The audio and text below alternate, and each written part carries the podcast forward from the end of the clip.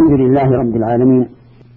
وأصلي وأسلم على نبينا محمد خاتم النبيين وإمام المتقين.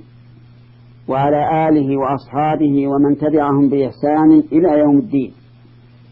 أما بعد أيها المستمعون الكرام انتهينا فيما سبق إلى قول الله تبارك وتعالى عن مريم بنت عمران قالت ربي أنى يكون لي ولد ولم يمسسني بشر. قال كذلك الله يخلق ما يشاء. إذا قضى أمرا فإنما يقول له كن فيكون. قالت ربي أن يكون لي ولد ولم بشر.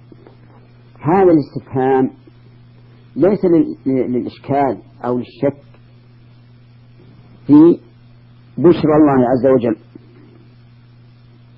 على الملائكة. ولكن للتعجب أن يكون لها ولد ولم يمسسها بشر أي لم يجامعها. لأن المس يكنى به عن الجماع كما في قول الله تبارك وتعالى وإن طلقتموهن من قبل أن تمسوهن وقد فرضتم لهن فريضة فنصف ما فرضتم. وقال تعالى لا جناح عليكم إن طلقتم النساء ما لم تمسوهن أو تفرضوا لهن فريضة. قال قال الله عز وجل كذلك الله يخلق ما يشاء.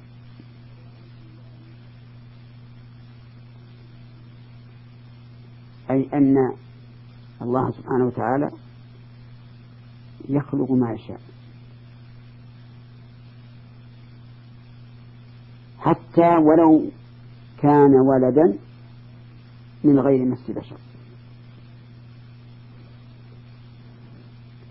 إذا قضى أمرا فقدره وقضى أن يكون فإنما يقول له كن فيكون. كلمة واحدة كن فيكون. مهما كان هذا الأمر. ويكون حسب أمر الله عز وجل.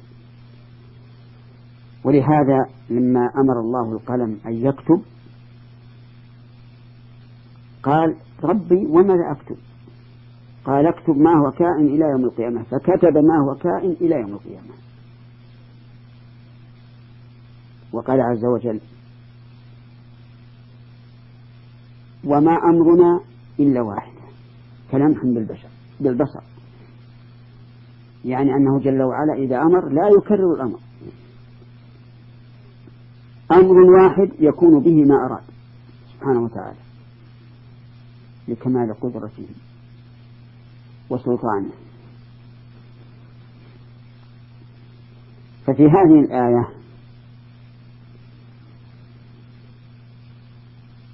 بيان جواز سؤال الإنسان عن الشيء الذي يستقرأ حتى ولو كان المخبر صادقا. لأن ذلك فيه اطمئنان القلب. وطرد الشك والوساوس.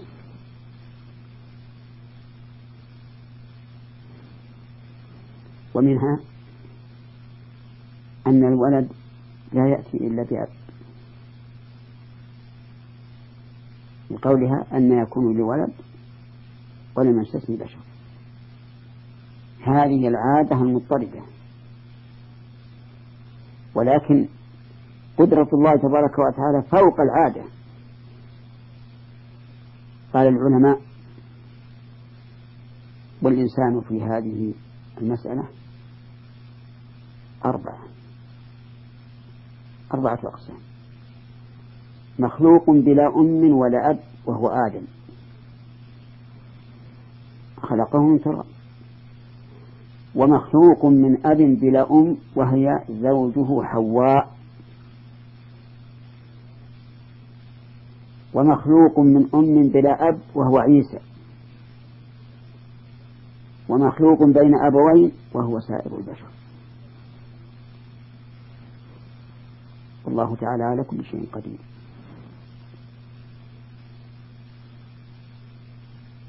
ومن فوائد هذه الآية الكريمة أن الله عز وجل يخلق ما يشاء. سواء كان جاريا على وفق العادة أو مخالفا. والخلق هو الإيجاد بالتقدير والتسوية والتنظيم.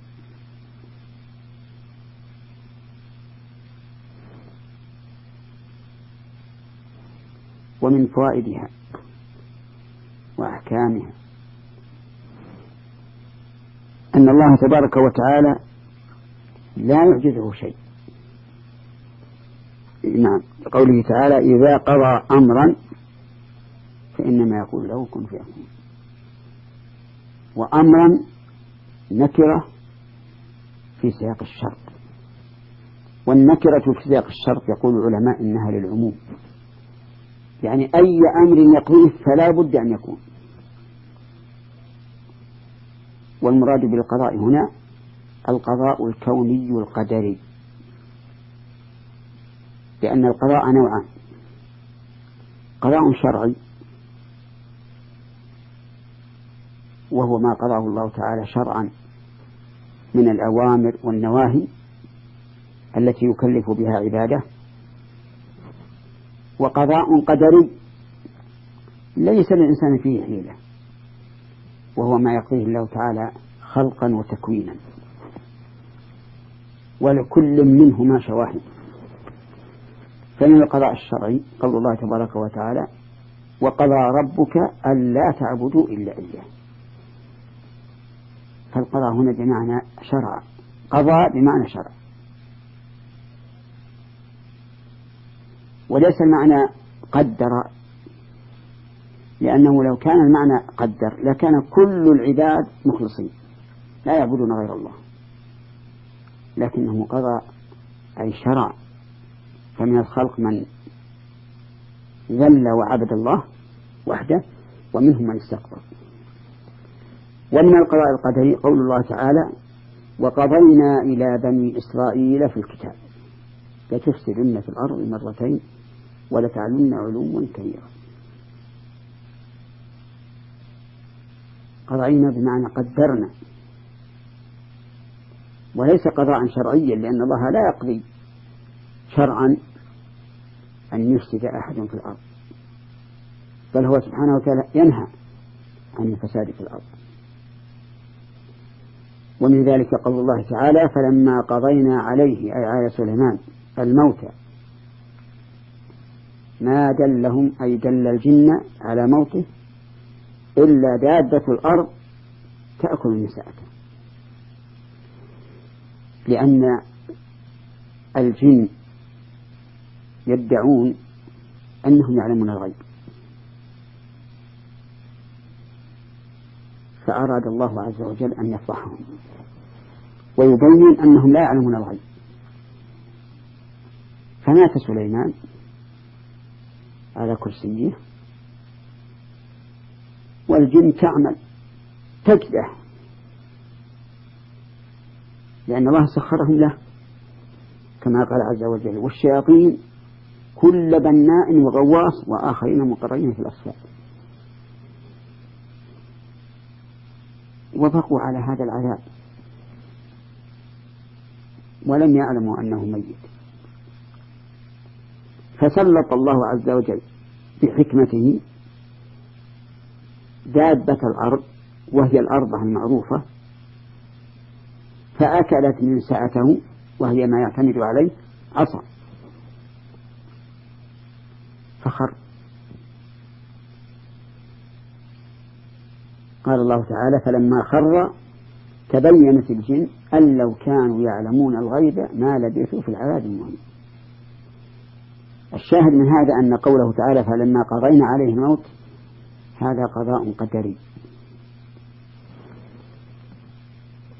وهنا في قوله تعالى إذا قضى أمرا الظاهر أنها من هذا القسم أن القضاء هنا هو القضاء القدري. ومن فوائد هذه الآية الكريمة مسألة تتعلق بالعقيدة وهي قوله فإنما يقول له كن فيكون. حيث فيها دلالة واضحة على إثبات القول لله عز وجل.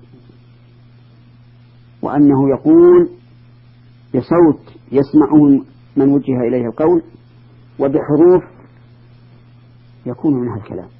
فهنا يقول له كن كن حروف فيكون.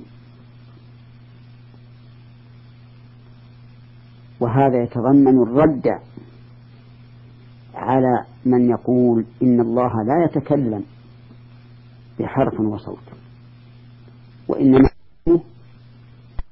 هو المعنى الذي في نفسه. وهذا يعني نفي الكلام في الحقيقة. لأن الإنسان لو أضمر في نفسه شيئا ما قيل له إنه قال أو تكلم ولو فرض أنه نسب القول إلى هذا لقيد كما في قوله تعالى ويقولون في أنفسهم لولا يعذبنا الله بما نقول. فأعتقد أخي المسلم أن ربك يتكلم بحرف وصوت مسموع يتكلم بما شاء ويتكلم متى شاء ويتكلم كيف شاء. قال الله عز وجل قل لو كان البحر مدادا لكلمات ربي لنفد البحر قبل أن تنفد كلمات ربي ولو جئنا بمثله مددا. وقال عز وجل ولو أن ما في الأرض من شجرة أقلام. يعني لو كان جميع الأشجار في الأرض أقلام والبحر يمده من بعده سبعة أبحر يعني كان مدادا يكتب به أو الأصح يكتب منه. يعني مثل الحبر. والبحر يمده من بعده سبعة أبحر. ما نفدت كلمات الله. تعالى الله. الله أكبر. وقوله ومن فوائد الآية أن ما أمر الله به كونا كان فورا. بدليل ألفا في قوله فيكون. فإنها دالة على الترتيب والتعقيب. واسمع أخي المسلم. قول الله عز وجل وما أمرنا إلا واحدة. كلمح بالبصر يعني أن الله إذا أراد شيئا أمر أمرا واحدا فقط. وصار المأمور فورا كلمح بالبصر فعل الله. وانظر إلى الوقائع تشهد بهذا. الزلازل تقع بأمر الله. تدمر بلحظة ما لا تدمره القنادل العظيمة الثقيلة في أيام. انظر إلى موسى لما ضرب البحر. تميز البحر فورا وتفرق وكان كل فرق كالطود العظيم. أي كالجبل العظيم. ثم الأرض اللي هي أرض البحر الرطبة. صارت يابسة في الحال. كما قال عز وجل فاضرب لهم طريقا في البحر يبسا لا تخاف دركا ولا تخشى. فسبحان العليم القدير العزيز الحكيم القوي القهار. وسبحان الله والحمد لله. ولا إله إلا الله والله أكبر. تنتهي هذه الحلقة فإلى حلقة قادمة إن شاء الله. والسلام عليكم ورحمة الله وبركاته.